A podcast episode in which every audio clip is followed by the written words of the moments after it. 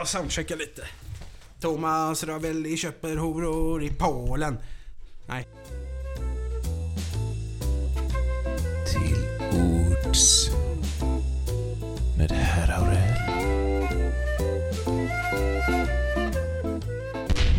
Så, då säger jag välkommen till Fredrik av Trampe. Tackar, tackar. Skojigt att få vara här. Ja, vi ska prata... Generisk hälsning, men, men det, det känns väldigt skojigt, ja. Ja, precis. Eh, Vi har ju precis dukat upp lite bullar och småpratat lite om Liv Strömquists eh, eh, Thomas Ravelli köper horor i Polen. Ja, det är väl en så god inledning som något i en sån här podd.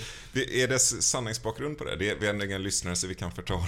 Ja, jo, nej men jag, ja, nej, det vet jag inte däremot, men jag är inte alltid lika, den alltid lika användbara och pålitliga källan Flashback så så var det någonting som skreks från läktaren och jag, jag tror inte att det finns någon sanningsbakgrund. Det var väl bara att det är roligt att kränka folk. Och sen är det så totalt oväntat att just Liv Strömquist ska, ska använda det. Det var väl lite den... Det var väl hon kanske medveten om också, att det var därför hon skrek det. För att det var lite otippat för att komma från Ja. just henne. Ja, det känns, känns bra. Jag gillar alltihop. Eh, Vi ska prata om låttexter och låtskrivande idag. Jajamän. Men först ska vi prata om dig. Vem är Fredrik av Trampe?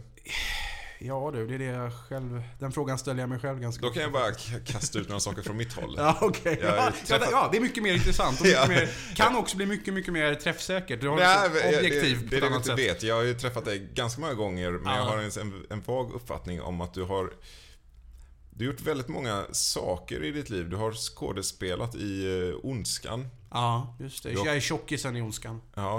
Eh, du har komfat på flera visfestivaler där jag varit och det Ja. var också där vi träffades första gången på, Ja. på Västervik. Eh, när du gav en mycket fin eh, Ja, komfning. Det måste vi nästan uppehålla oss Mm. lite vid det gigget för att jag ska då alltså säga till de som lyssnar på det här som inte hör till den svenska visscenen att det, det är en ganska liten, det är som en liten, jag vet inte ens om det är en ö, det är en liten kobbe i den svenska visvärlden. Eller svenska musikvärlden menar jag. Sådär, så så vi är ganska små interna och vi har ju inte sådär jättemånga konserter av typen Springsteen i Konserthuset 1975 där det gick in 1800 pers, men om man ska tro alla som säger att de har varit där så var det säkert 20 000 där den kvällen. Den typen. Alla hävdar i efterhand att de var där. Men jag var ju faktiskt på ett av de få sådana giggen som vi har i Visvärlden. Det var ju när du debuterade på Visfestivalen i Västervik 2012. Jag kan faktiskt bevisa att jag var där, för jag var konferencier den kvällen. Eh, och jag hade väl, jag hade hört dig på skiva då. Jag hade research-lyssnat kommer jag ihåg. Inför det här giget för att jag skulle vara förberedd. Och tyckte, ja men det här är kul. Det här kommer nog funka live. Och så läste jag på lite om dig. Jag påade utifrån vad jag hade hört på skivan och sådär. Det här... Jag blev sen felciterad. Jag påstod, det påstods i tidningen att jag hade sagt att du var en sjungande komiker när jag själv hade sagt att jag inte ville använda den benämningen. Eh, det är faktiskt sant. Han, Ola Aurell presenteras som den sjungande komikern och så hade jag sagt att jag skulle inte vilja presentera honom som en sjungande komiker för det är så tråkigt. Dumt. Eh, och så kommer jag ihåg att är man konferencier då är man ju liksom igång eh, hur lång, lång tid ett evenemang håller på, kanske 5-6 timmar i sträck. Man är ganska färdig efteråt. Så jag, jag upp på dig, av scen, springa runt och rodda inför nästa grej. Musiker på plats, teknik på plats, hur ligger vi till, bla bla bla bla. Men jag hör ju över den här muren då, där du uppe i Slottsruinen som det är, där du står på scen. Det kommer börjar komma skrattsalvor och de kommer tätare och tätare och tätare och de blir fler och fler och fler. Uh, och när jag ska gå upp och påa ditt, ditt extra nummer det är ju liksom sån total storm där ute. Det är 1600 människor som står upp, skriker, stampar, håller igång, applåderar. Jag har sällan varit med om något liknande. Och på den, man har egentligen, man får bara göra ett enda extra nummer på Visfestivalen i Västervik egentligen. Jag tror att det är sen Jakob Hellman drog över med fyra extra nummer någon gång för många år sedan. Eh, men när jag kommer upp efter ditt, an, efter ditt första extra nummer och då är det samma reaktion igen. De, jag inser att det här kommer inte gå. Det är fortfarande 1600 människor som står och skriker och applåderar och jublar. En gång till! En gång till! Jag tror fortfarande jag har lite ont i öronen efter det där. Och jag tittade på hans i Schwarz, alltså, som ju då fortfarande... Det var hans sista sommar. Han, han dog sen på vintern efteråt, men som var festivalarrangören. Och han bara rycker på axlarna. I vanliga fall höll han stenhårt på det där med först med bara ett extra nummer, men här gick det liksom inte. De hade aldrig släppt mig, de hade aldrig godtagit bara ett extra nummer. Och sen var det lite, jag vet att både Johan Johansson och Lars Demian som skulle på efteråt var lite chockade. De, och det, det är ingen vanlig syn kan jag säga. Det är ju ganska luttrade scenherrar. De var verkligen, ska vi gå på efter det här?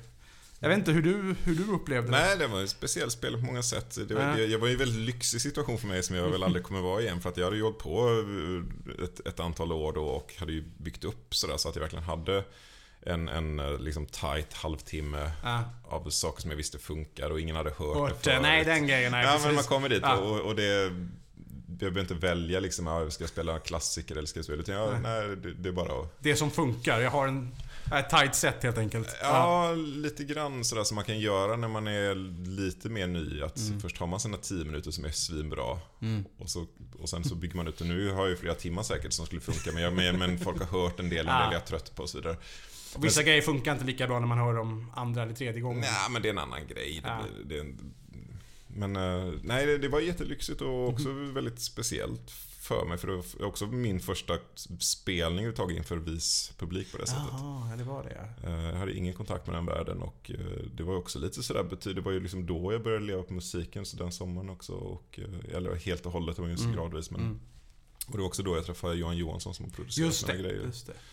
Så. Och det var då jag träffade dig. Ja, Nej. nej men det, det var verkligen, det kändes som att du gick från 0 till 100 bara på de där 30 minuterna eller vad det var. Ja, nej men det, var, det, det kändes eh, viktigt också. Vi, vi sa ju det tidigare att det är svårt att... ehm, svårt att hitta de där adrenalin-momentsen Mm. senare i karriären när man väl har... Ja, ju mer luttrad man blir, ju svårare kan och man kan, Jag kan ha den där tendensen, har jag märkt, att jag blir, eh, har blivit lite på sistone lite för självkritisk. Och det gäller ganska mycket. För får man, om jag får höra att jag är bra på någonting. Alltså jag kan ta just det här med att konferenciera. För det började egentligen bara som en skojig grej. Jag höll redan på som musiker, eller ja, trubadur eller vad vi ska kalla det. Och det var bara att jag råkade vara på någon festival som Johan Johansson och Frasse Haraldsen ordnade uppe på Mosebacke-terrassen som jag... Jag vet inte om det fortfarande heter det, men jag säger det i alla fall. Nej, jag vet inte heller. Nej. Och, och det var bara att de liksom, du är ändå här, skulle inte du kunna tänka dig att hoppa in och prata lite innan, innan artisterna? Och då var det bara, bara artister som jag antingen kände eller visste vilka, väldigt väl vilka de var. Så jag gick bara upp och babblade och sa lite, äh, här, lite vad som dök upp i huvudet och jag tänkte ut precis innan jag skulle börja. Och så tyckte de att det var så bra, så kan du komma tillbaka och göra det nästa år? Ja. Och så gjorde jag det och sen så efteråt så kommer liksom, jag kommer ihåg Frasse Haraldsen kommer, du är fan den bästa konferencier jag någonsin sett. Och flera andra kommer och David Schutrik minns jag av alla människor var sådär bara att jag har aldrig fått en så bra presentation. Åh, tack! Men istället för att bli jätteglad och känna wow vad roligt så blev jag lite så här nästa gång jag ska ja men då måste jag vara lika bra, om inte bättre. Och det är ett jävligt tokigt sätt att resonera på. Man ska ju bara i sådana fall tänka ah, ja men det här som jag gör funkar bra. Utan jag blir mer oj nu måste jag upprätthålla det här. Och om man då går upp på en scen, även med en gitarr och spelar och känner att oj, man fick inte den där superreaktionen som man fick den där gången i Malungsfors. I förra veckan. Då blir man, men va? Vad håller jag på med? Håller jag på att tappa det? Och sen, och sen så kommer något sånt där gig igen där man känner, ah ja men just det. Och så håller man på ett tag till. Ja, jo, jag, jag, jag vet. Det, Jo, det låter som att jag håller på med det i hundra år, det har jag ju inte. Men, men, men dock, det, man kan ändå känna så. Ja, nej men det, du är en eh, väldigt bra konferencier får man säga. Tack. Jag, jag har ju konfat i Västervik eh, två gånger faktiskt. Mm. Jag, jag tror inte för att de tyckte det var en bra konferencier utan för att, för att få mig lite som artist utan att få mig som artist. Jag kommer ihåg att de faktiskt gick ut med någon kväll när... Alltså konferencierna brukar inte presenteras förrän på plats. Länge körde Mm. de den grejen. Eh, men något år så var det väl en, den dagen du skulle vara konferencier var den enda som inte hade sålt ut. Och då tror jag de släppte någon dag innan att du skulle vara konferencier. Jaha. Antagligen för att få fart på de här sista biljetterna. ja, ja. ja. Nej, inget ont om det. Men, Nej, nej, absolut inte. Men- Men, eh, jag vet att första gången jag var konf så var jag så extremt dåligt planerad och rörig. Och nästa gång var jag lite bättre. Men sen så var det någon som jag pratade med nyligen som sa att äh, det första gången det var så jäkla bra. Ah, ja, men fast jag var, jag var helt bortkommen. Ja, det var det som var så fantastiskt. och då känner man också Alltså det så här där är... Ja, vad fan. Så det, det, ska vara konferenser på någon eh, mindre visfestival i sommar i Ludvika. Just det, Mika Tavanainen och Ja, gänget. så nu tänker jag att nej, jag ska, jag ska inte förbereda någonting. Och Tänk om det är någon jävel då som då kommer fram och skäller att du, varför var du så jäkla oförberedd på det? Du hade inte koll på någonting. Vad fan håller du på med? Ja, ja, då får jag ta det. Ja. Det är Ja, väl fördelen rätt med att det där, det där luttrade att, att man kan liksom ha lite mer, eh, att man inte bryr sig attityd. Ja, jo. Det är skönt. Ja, om man vet vad som funkar eller vad man själv tycker är bra. Det är, det, det är ju trevligt om man hamnar där. Ja, ehm, nu ska vi se, vi var på dig ja. Ja, det var vi. Ja. Eh, du, Det här är mitt bästa ämne faktiskt, att prata om mig. Så det, det är ingen fara. Ja. Ja men är det det? Jag tycker du glider in på mig till exempel.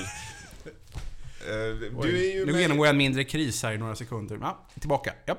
Har du så dåligt själv... Du utstrålar inte så dåligt självförtroende. Nej, nej, nej, det har jag inte. Jag tänker att jag utstrålar dåligt självförtroende. Men... eh, Ja, ja, jag vet inte. Det, det var en svår fråga. Nej, det, det, det, du, du är med i Snedtänkt ibland med Kalle Lind. Ja, just det. det vilket är jättekul. Ja, och du är ju också en sån um, nördperson som gillar uh, små bisarra, kitschiga grejer. Absolut. Är du inblandad i Sunkit-klubben? I, ja, ja, det är jag ju. Eller jag har ju inte... Man associerar dig till den Man musiken. associerar mig till den. Det är ju för att jag har varit stammis där i snart 15 år och jag har DJat där ett Precis. stort antal gånger. Men jag, jag, det var ju inte jag som startade klubben, jag är inte med och driver den. Men Nej, jag, det. jag känner ju folket eh, och, och så. Och jag är För- lite av en inventarie där. Precis, för en intressant sak med dig som jag ibland pratar med folk om bakom din rygg. Oh, det här blir spännande. ja, Ja, ja, nej, det är inte så spännande som det Nej. låter. Men det är ju att du, du har ju en väldigt profil av, ja men sådär, du kan all den här sunkit-musiken, du kan alla nördiga referenser, du har den här s- skruvat ironiska, humoristiska synen på massa saker. Eh, när du gör egna låtar så, så förväntar man sig mer sunkigt musik, men du gör något som ligger mer åt Lars Winnerbäck, alltså det finns en ganska Lite- vemodigt, ganska seriöst. Det är eller? lite kul att du tar upp det. Ja. Litet stickspår här igen bara, men för några veckor sedan så var jag på Kalle Linds bröllop, ja, som vi nyss nämnde, och som jag har varit Mm. gäst i den här podden också. Eh, och då hamnade jag med komikern och poddaren Ola Söderholm mitt emot mig. Just det. Och eh, jag, jag vet ju mycket väl vem han är, och han, men han visste ju inte vem jag var, så vi började prata och han, liksom, han bara, ja, vad gör du idag? Jag berättade. Och då försökte jag just, ja vad fan gör jag? Summerar det lite kort, men jag berättade att om jag gör poddar med Kalle och det är därför jag är här nu ikväll. Det är så vi känner varandra. Kalle och jag, vi har nördat på grejer. Och sen jag konferens, så är jag runt som trubadur en del också. Han bara, jaha, du är typ Ola Aurell? jag bara, nja, man skulle kunna tro det, men, men faktiskt inte. Inte som just trubadur är jag, inte så mycket Ola Aurell. Eh, Nej men det är väl olika sidor helt enkelt. Alltså, mitt problem är... Problem, jävla fånigt uttryckt. Men jag skulle väldigt gärna vilja skriva mycket roligare, gladare, knasigare grejer än vad jag faktiskt gör. Men eh, när jag väl sitter där med den där gitarren och, eller pianot eller vad det nu är och ska anteckna, då, då det finns något, det finns något tror jag, YouTube-klipp med John Holm när han är inne på samma grej. Ja, när, man, när man spelar ute då känner man att det är ett ös liksom. Man känner att du skulle vilja spela mer rytmiska grejer och sånt där. Men sen när du sitter hemma och gör texter och gör bitar. Då, då, då pejlar du det som är nödvändigt, för, viktigt för stunden, just då. Nu citerar jag inte alldeles ordagrant. Men jag, jag kunde känna igen mig. Jag älskar också att han säger att han gör bitar. Ja, precis. Ja. Men man känner ju här att man känner ju mycket humor och distans det finns i, i ditt sätt att prata nu. Det, det är där den, den roliga kontrasten uppstår. Ja. Eh, Men, men men, men det är lite så. Det är, jag sitter, Ja. då, då, då, jag, Jag då försöker man precis. liksom, då blir det lätt... Alltså, det är inte så att jag ska skriva någon dagbok, men det blir lätt terapeutiskt ändå på något sätt. Eller? Men vem vet? Men fasen, jag har ju bara gjort en platta och jag eh, kommer förhoppningsvis göra flera. Man vet ju inte vart det tar, tar vägen. Ja, nej, alltså jag velade ju själv länge mellan det här liksom mer, eh, ja du vet, pretentiösa kanske fel ord, men det är att man ändå lite eh, försöker bearbeta saker allvarligt och att man bara är ironisk och tramsar. Mm. Eh, Och jag landade i att det ironiska passade mig bättre efter ett tag, men det, det Det gör det ju väldigt bra. Ja, alltså det känns ibland som att, eh, att det kanske går på tomgång. Att man ska liksom... att, att, att man aldrig säger någonting på riktigt utan att man ska skoja till. Men, men det, rent kreativt funkar det bättre för mig. Men eh, vi känner, jag har sett dig väldigt många gånger live och jag har konfrat dig ett antal gånger och så vidare. Jag träffat. Men jag har liksom aldrig riktigt fått något grepp om hur du, din liksom musikaliska bakgrund ser ut. För jag... Du, du, alltså jag såg dig när du var 36, 35-36 och då hade du precis släppt din första platta. Ja. Men när, när började du? Eh, Spela. Jag började sent kan man säga. Ja. Ehm, Jag vet inte vad den korta sammanfattningen är, men jag, jag höll ju på och studerade, jag testade och försökte skriva teaterpjäser och, och lite av, av varje sådär. Höll på lite med sådär, studentteater, humor, impro, improteater rätt mycket också. Mm. Kanske det som ändå gick bäst att göra Mm. på något sätt. Ehm, Men sen hade jag kompisar och en bror som höll på med musik och min, min bror hade en ganska seriös musikkarriär under ett antal år. Jaha, i vilket London. sammanhang då? Eh, I någon slags indie folk popband som hette Fanfarlo som var Londonbaserat som Jaha. eh, hade något stort skivbolag och turnerade rätt mycket där världen, världen runt. får man lära sig. Det är inte alls stora i Sverige, men de har haft en hel del publik i inte, Spanien och lite sådana ställen. Sånt där är ju kul. Ja, Ja. nej, Ja. men han är, han är den, den, eh, den snygga av oss i alla fall. Jag höll på att säga den begåvade, men jag tror vi är lite på olika sätt. Men han är definitivt mer musikaliskt begåvad än jag är. Mm. Musikaliskt snygg. Ah, både och. Nej, både snygg och eh, musikaliskt begåvad. eh, Så, men ehm, Men när började du skriva låtar ungefär? Ungefärligen. jag tror att jag skrev mina första låtar i kanske 25-årsåldern. Någonting sånt. Så det är ändå ganska sent om man tänker att det är första gången man skriver en låt. Och sen så debuterade nog inte på scen förrän jag var typ 30. Mm. Eller jag gjorde någon typ av gig på någon liten teaterscen men som jag körde de här mina låtar Mm. som de ser ut idag var Ja. jag väl 30. Men nu kommer det sig att det dröjde så länge och sen var det ytterligare några år till platta. Ja det var det. Att det tog år till platta var väl helt enkelt för att jag är... Jag, jag, är- jag, jag, är, ingen, jag är ingen bra på förut det jag gjorde.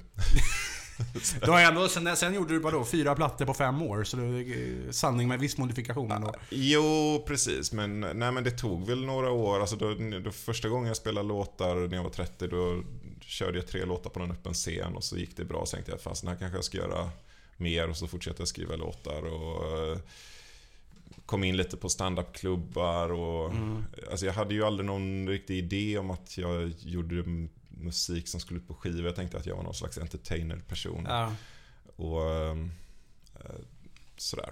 Och sen var det liksom, jag hade en deal också att jag skulle eh, ge ut skiva med någon som aldrig blev av så det drog ut på tiden ytterligare något Ah, år. Och till, slut, grejen, ja. och till slut så sket jag i det och bara spela in en skiva själv. Det är ju på gott och ont för den skivan är ju inte särskilt väljudande men det var väldigt bra för mig att få ut den då. Ja, och det, det, det du gör funkar ju väldigt bra med bara sång och gitarr också. Ja, men det är inget fel på produktionerna på dina plattor, de som har kommit sen heller. Men det, det, det funkar ju. Det, du, du är ju ändå lite mer, om man ska säga, kupletthållet. Jo, ja, på, ett sätt kan jag, Ja. på ett sätt kan jag gilla det. alltså, Så att Mm. jag har inget, eh, inga problem med det. Och, och om inte annat så just då, vilket låter absurt för det här är ändå så pass sent, men det, det var ändå den CD-skivan som gjorde att jag kunde eh, leva på musik, förstår. Ja men det är, den där, det, är, det, är också en sån grej som jag tänker att jag borde skriva mer roliga låtar. För att det är alltid ni roliga killar, det är ju ni som fortfarande säljer plattor.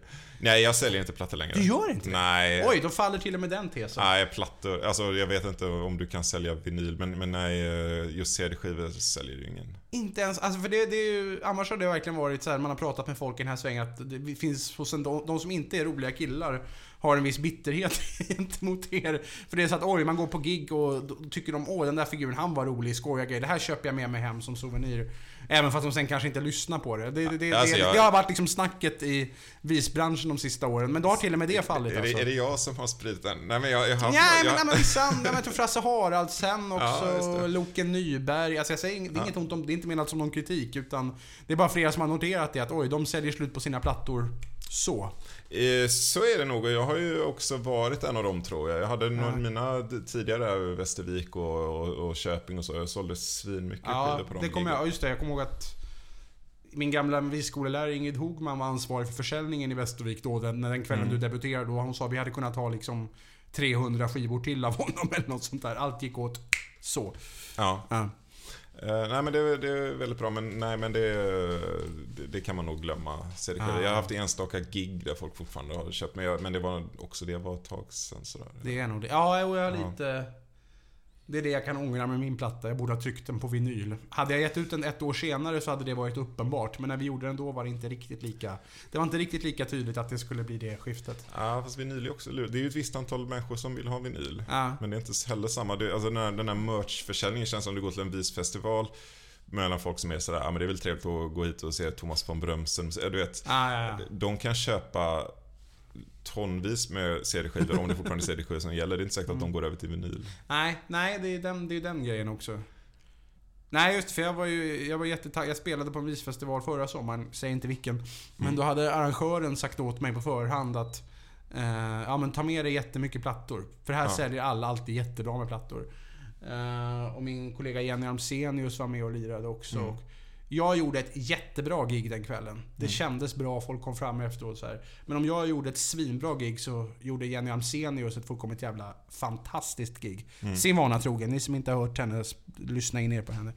Eh, men Jenny var tvungen att sticka vidare till ett annat gig redan samma kväll. Eh, och hon var såhär, kan du plocka upp mina plattor åt mig? Ja visst, sa jag. Och så ska jag plocka upp hennes plattor och mina plattor från försäljningen på slutet av kvällen. Vad jag just, jaha, eh, vi ska se här, jaha. Ja, du har sålt en platta och Jenny har sålt en platta. Ja men bra, här har du. Och så får man tillbaka den här jättelika... Vi fick varsin jättelik trave tillbaka här. Och jag pratade med en av artisterna som var där för andra gången, som var bara Va? Jag var här för något år sedan, jag sålde 30 plattor. Ja, men det är väl all, även de har skaffat Spotify. Ja, men jag tror det. Jag tror att det har nått, nått fram till uh, visvärlden. Det är ju Ja. intressant, det är ju en parentes med visvärlden att, att egentligen det som är vismusik är, känns ju inte som att det är marginellt. Det känns bara som att det är marginellt när man sätter stämpeln visa på det. Ja, så är det kanske. Eller jag, Om jag, man nu vill sätta... Det är, många vill ju inte sätta visstämpeln på Nej, det, kanske det- just därför. Nej men, ja, men det är lite så jag tänker nu. Nu vet jag inte exakt, jag, jag är inte så intresserad av de musikaliska gränserna men eh, Lars Winnerbäck är väl ett sånt exempel som ändå har kallats visa någon gång i Ja, tiden. ja. ja, han var ju mycket mer, han var ju mer vis, Sundströmig i början eller vad man Ja, ska kalla det. precis. Men det finns ju rätt mycket musik som ändå går i någon slags first aid kit. Mm. Eh, sådär ton. Som ju lika gärna hade kunnat heta visa, men det skulle ju aldrig lanseras som det. Nej, sjunger du på engelska dessutom så slipper du undan. Ja, men även, alltså, ja. låt oss säga att de hade sjungit på svenska och hade varit på den nivå av artist, alltså Mm. hade haft den stora publiken. Hade de brytt sig om att kalla sig för visa då? Jag, Nej, de hade nog inte velat bli kallade visa. Nej, jag får för mig det. Nej. Att, att eh, det, det är också en... ehm, det är en subkultur som också handlar om uh, nästan e- egen... Nej, jag, jag, jag har ju lite det. Jag älskar ju scenen. Jag har liksom haft jätteskojigt på alla festivaler. Ja. jag kan liksom, det är Ja, nästan, men jag har här. aldrig känt mig dåligt behandlad på scenen. Jag tycker att det har varit jättebra på de flesta sätt. Va? Men samtidigt så blir jag jättenojig när jag hör att någon kallar mig för visesångare.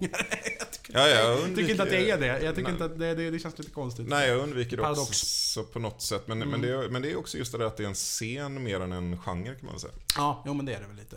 För det kan ju vara vad som helst. Jag menar, jag har ju... Jag har konfrat dig, jag har konfrat Thomas Andersson Vi, jag har konfrat Svenne Rubins, jag har konfrat Meja. Under liksom ju- Ja. Och en massa andra saker. Så jag menar, det, det kan vara lite vad fasen som helst. Vi ska prata... Var vi klara med dig förresten? Ja, jo men där har vi väl huvudgrejerna. Jag har fuskat lite som skådis, jag kör som visångare, konferencier, nörd i lite olika poddar och, radios. Alltså jag är ju journalist i grund och botten. Eh, med, och, jag gör ju en hel del sånt. Det är ju, det, det är ju liksom grundinstrumentet, eller vad vi ska kalla det. Men jag gör en massa andra saker också. Det Just det, du har också skrivit så förord till eh, Tor Modén-boxen sådana saker. Ja, just, ja, just det. Just det, den Pilsner Films. Ja, och även lite annat. Povel Ramel och Jan Troell och svenska kultfilmer. Det var lite kul. Just Jan Troell, där blev jag påmind om. Nu när vi spelar in det här så är det början av, av juni 2018. Och jag, skrev, jag blev påmind här när jag kollade mailboxen. Ah, det är ganska exakt ett år sedan som jag skickade in de färdiga texterna till Troell-boxen till filmbolaget. Och då läste jag den långa texten som jag hade skrivit om Troell. Lång och lång, men Mm. 3000 tecken eller vad det var. Och den var väldigt bra, men helt slut på, i slutet så gör jag liksom en liten... Åh, Jan Troell han fick Svenska Akademins stora pris. Och han är en av bara två filmare som någonsin har fått det. Och det är ett pris som nästan aldrig delas ut dessutom. För undrar ni varför? Titta på filmerna, något sånt där. Och det känns som idag hade jag inte äh, lyft fram Svenska Akademins pris. eh, som en cred-grej. Kolla här på Jan Troell. Han har fått Svenska Akademins pris. Det hände någonting där under det här året som har gått sedan jag skrev den här texten. Som gentleman. Ja, precis. Troell, ökänd skånsk gentleman. Prisad av Svenska Akademin. Köp den här boxen. Ja, ja nej, kanske inte va. ja, jo. nej, tiden, tiden går. Det är där jag älskar med poddar. Det är liksom stickspår heaven. Precis. Är det nu vi äter bulle? Ja. Ska vi testa, testa, smaktesta här i live. Om den var god du. Mm. Mm. Liten kopp kaffe till det. Eller mugg kaffe här. Mm. Naja. Mm. Vad var det vi skulle prata om? Mm. Vi ska prata om eh, att skriva låtar, för det gör vi ju båda. Ja, det gör vi. Och eh, vi är också intresserade av andras låtskrivande. Mm. Ja, och där, där kommer väl det där med att jag är lite nördig och lite journalist in också. Jag tycker det är, det är alltid skoj att prata om sånt med andra låtskrivare. För man har märkt att det finns inte två låtskrivare som gör på samma sätt. Det ser alltid olika ut och det kan också vara oerhört olika från tillfälle till tillfälle även för samma låtskrivare. Lite krångligt uttryckt. Just det. Mm. Och det, det är ju en sån här sak som jag tänkte på när jag satt och förberedde mig lite inför det här. Att, eh, inom musikjournalistik så har ofta, det finns en fråga som brukar framhållas som den stora idiotfrågan framför alla andra. Och det är vilket kommer först, texten eller musiken? Och jag har aldrig riktigt fått förklarat varför det är en idiotfråga. Och jag tänkte på det nu, att jag vet inte om det är en idiotfråga på det sättet när jag har pratat med mycket låtskrivare, för många så är det verkligen så att en grej kommer först och det andra kommer sen. Absolut. Jag, jag, har, jag har nog också laborerat med båda, så jag tycker inte att det är en idiot... Möjligen är det en återvändsgränd, för det leder ju ingen vart. Nej, nej. Nej, först skriver jag texten, så sätter jag musik. Vad ska, vad ska man säga sen? Ja, spännande liksom. Alltså, det, är- det Nej, det är väl på det sättet då. det. Nej, det är mer, det är mer om man, man ska ju mer egentligen kanske försöka gå in på nyanserna, exakt hur går det till? Det kanske är lite mer intressant på ett sätt. Ja, Men det är ofta, alltså det är, ofta kan det vara tvärtom mot vad man tror. Jag såg någon gammal intervju med Ulf Lundell, som ju är liksom en fantastisk textförfattare. Och hans låtar blir bra de gånger det råkar matcha med en väldigt bra melodi också. Det är inte alltid det gör det. Han är ju, Nej, är ju sanslöst överproduktiv. Eh, men, han, och, men liksom även even so så är han ju inte musikaliskt jättevarierad. De flesta låtarna går i D. Och det är väldigt mycket D, G, A, E-moll, H-moll och så vidare. Eh, Men han var såhär, nej men jag skriver musiken först. Eh, Jag måste ha en melodi färdig först och sen ska jag... Ja, där hade jag nog absolut trott tvärtom. Sen hindrar ju inte det att han skohornar in en massa extra stavelser i varenda låt, men, men det är en annan sak. nej just det. Men det bidrar väl kanske till och med då. Ja, det gör det. om andra är tvärtom. Alltså den eh, mycket skickliga Sandra Vilpala som är soloartist och som hade bandet Fröken Underbar tidigare. Också en sån jäkla bra låtskrivare som jag nog lugnt trodde skrev alla sina melodier först. Men nej, hon skriver alltid texten först. Mm. Den måste vara helt klar, sen skrivs melodin. Det Så, så det, det där kan Jag har hört att olika. Dylan eh, skrev melodin först. Ja, det kan, också det kan jag tänka mig mer ändå än, än vad jag hade trott om Ulf Lundell. Men Ja. visst, det är en... Ja. Hur, hur jobbar du? Eh, Ja, li- lite av eh, varje från början. I grund och botten är jag nog en skriva texten eh, först person. Jag, jag lägger ju mycket större vikt vid texten, Ja. melodi. Framförallt för att jag inte anser mig behärska musik. är det så pass? Jag, jag har nog den känslan att det får bli det det blir. Sen, sen så tror jag att några av mina melodier är helt okej och en del är bara väldigt generiskt skit. Och ibland, ibland tycker jag nästan att att Men- det kan vara gött att ha generisk skit för då tänker jag att texten går fram. Alltså man bara tar en sån här kliché Nej, men, men det finns det- ju... Det finns ju en viss charm. Alltså många av dem som är... Många låtskrivare som jag gillar som skriver mest catchy melodier är ju ofta de musikaliskt mest okunniga, eller mest oskolade. Jo, ja, men det- Kjell det- Höglund är ett väldigt bra exempel på det. Ja, absolut. Eh, liksom kan, kan, ytterst lite musikteori och det är väldigt Mm. lite variation i låtarna rent så. Spelar sämre gitarr än vad jag gör. Eh, Mm. Men det är ju of, nästan alltid fruktansvärt catchy. Ja men det finns ju någonting med att och går man direkt på... Det är ju lätt att man går i de musikaliska Mm. klichéerna och att det blir ganska catchy men att det... Ja, jag vet en som, en som jag vet att vi båda uppskattar mycket, Steven Merritt, eh, pratade väl någon gång. Han skrev på, vet, halvt på skoj, halvt på allvar, någonting som han kallade för eh, The Formulist Manifesto. Som gick ut på att all konst vill vara tuggummi-pop. Egentligen är det vad man aspirerar. Så vad man gör är helt enkelt, du tar tonikan och subdominanten och växlar fram och tillbaks mellan dem. Har du bara det så kan du liksom, då kan vi formulister, vi kan skriva ett oändligt antal låtar där man vet resultatet på förhand. Sådär, det här jävla tramset med att man ska vara så innovativ och eh, skoja till och konstiga Nej, nej, nej, nej, nej. Man kör på det här väldigt basic så kan man bara skriva på, skriva på, skriva på, skriva på. Eh, men det finns ju en, en, en poäng i det också i och med att det ofta blir lätt, lätt catchy. Ja, det finns ju sånt på, jag, jag kan också tänka ibland, det, det här har ju något jag läst om att skriva film sådär, men att om man har en väldigt eh, exotisk värld, låt säga du gör Sagan om ringen, då måste liksom själva handlingen vara väldigt generisk för att man ska, ska fatta vad som händer. Ja. Men har du en väldigt igenkännlig värld som typ en, det utspelar sig i ett äktenskap, som vilket som helst. Där kan, där kan du jobba med helt subtila nyanser. Ja, ja. Eh, Alltså du kan väldigt avancerad psykologi därför att du känner igen allting. Ja. Och på, det, på det sättet kan jag också tänka att du vill inte göra allting avancerat i en låt. Nej.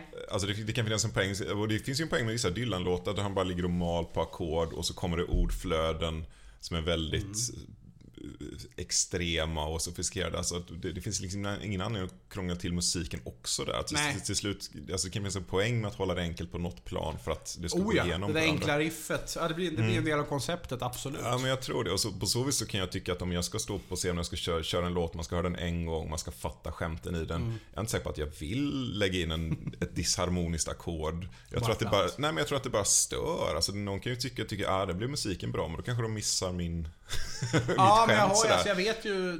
Det där är väldigt olika, för jag vet ju folk som verkligen inte pallar med musik som inte överraskar. Nej, Nej. all respekt för det, men jag tror inte att de skulle gilla det jag gör ändå. så att det är lite så. Eh, Ja, eller så ser man, man kan se det också som olika grejer. Jag menar, det är väl... Men jag är inte säker på att jag skulle gilla mig själv heller om jag hörde mig. Man, man gör ju också, det är också en sån här eh, grej. Man, man skriver det man kan, men inte det man tycker om. Nej, nej för fan alltså. Den, den grejen kan jag verkligen känna igen mig. Eh, som sagt, det finns ju låt... Nämnde Steven Merritt är ju en, en sån som jag verkligen...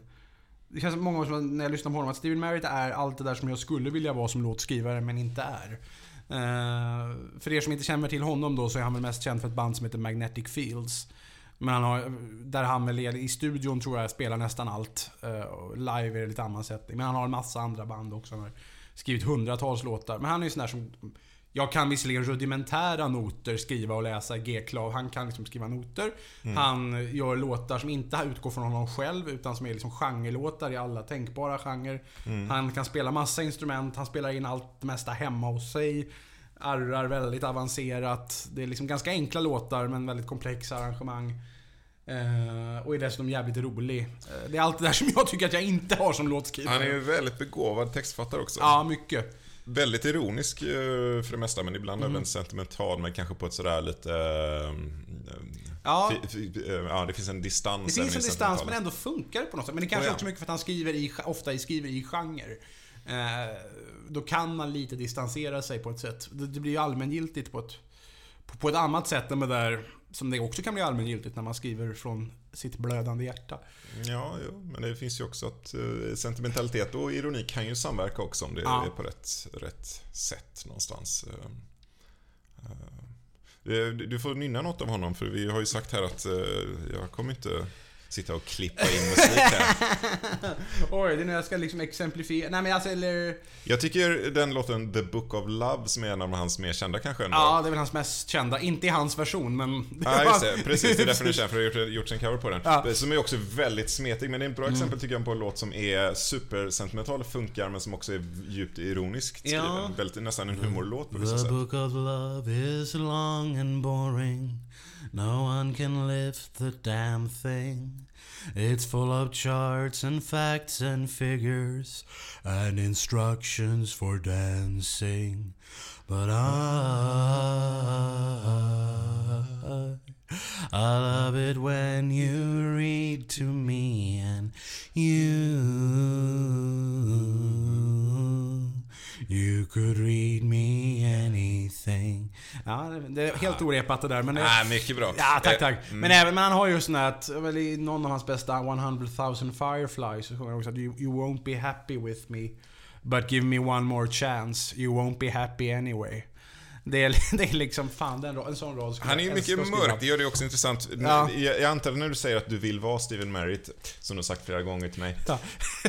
så, så vill du vara, du vill ha hans eh, begåvning men inte barlasten så att säga. Nej, exakt så.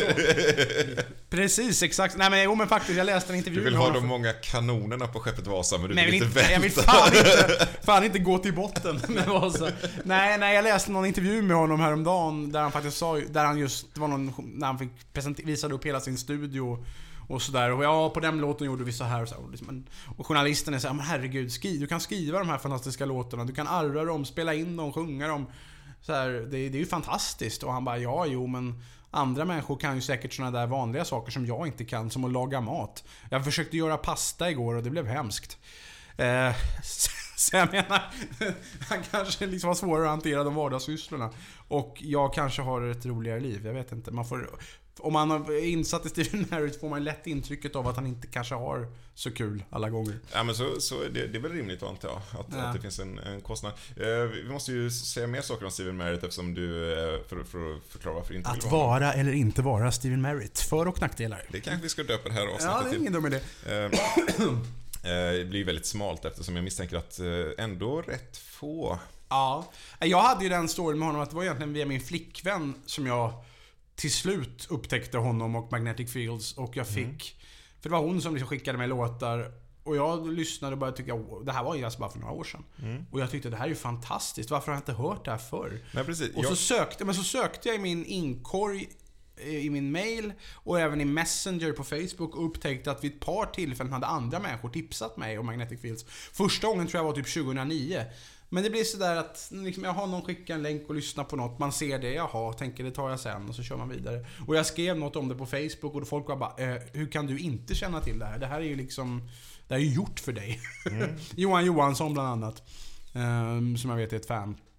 Eh, ja men det förstår jag. Jo, jo men det är sånt där. Ikoniskt band för vissa, okända för den stora massan. Mm, ja, jag, jag har ju också fått lära mig det genom en flickvän just, och det var ju Jaha. också...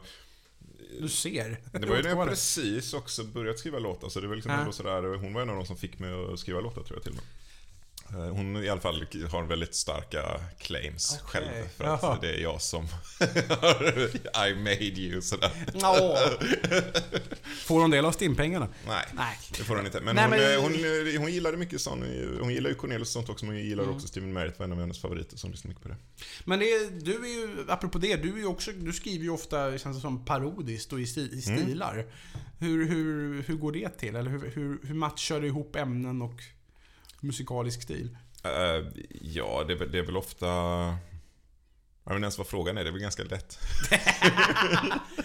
Nej men ta en sån låt som Fem i tre till Norge, där du liksom gör någon sorts deppig gubbrock, så här lite Winnerbäcksk ballad om hur vi Sverige saknar att vara i union med Norge. Menar, hur, hur kommer man på en sån grej?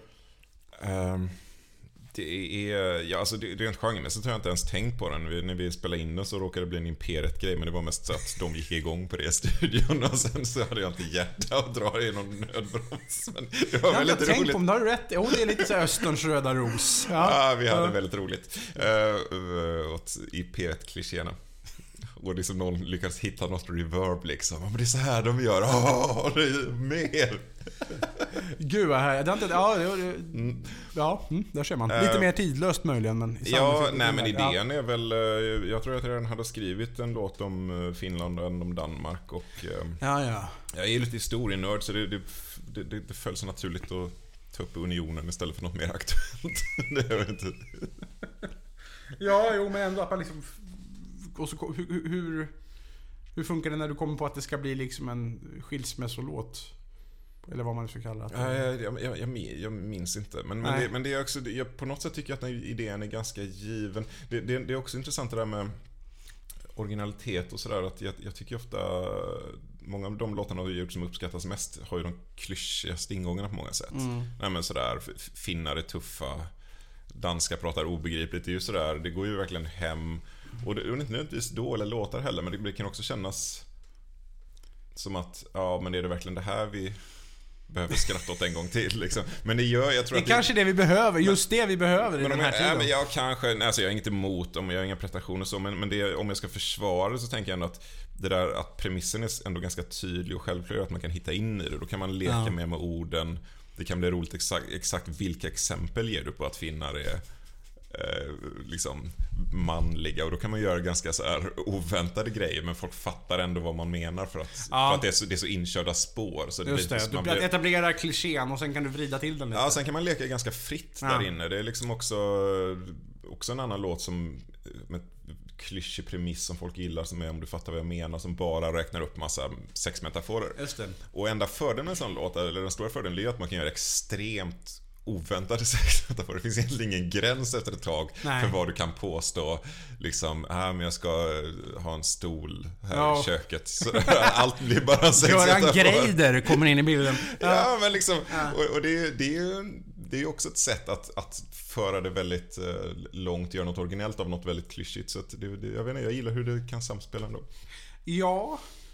Men alltså, ja, för, för, och det är ju just sådana slusklåtar hör man ju så sällan nu för tiden, känner jag. Det fanns liksom en tid när det var helt okej att sjunga ganska explicit om sex.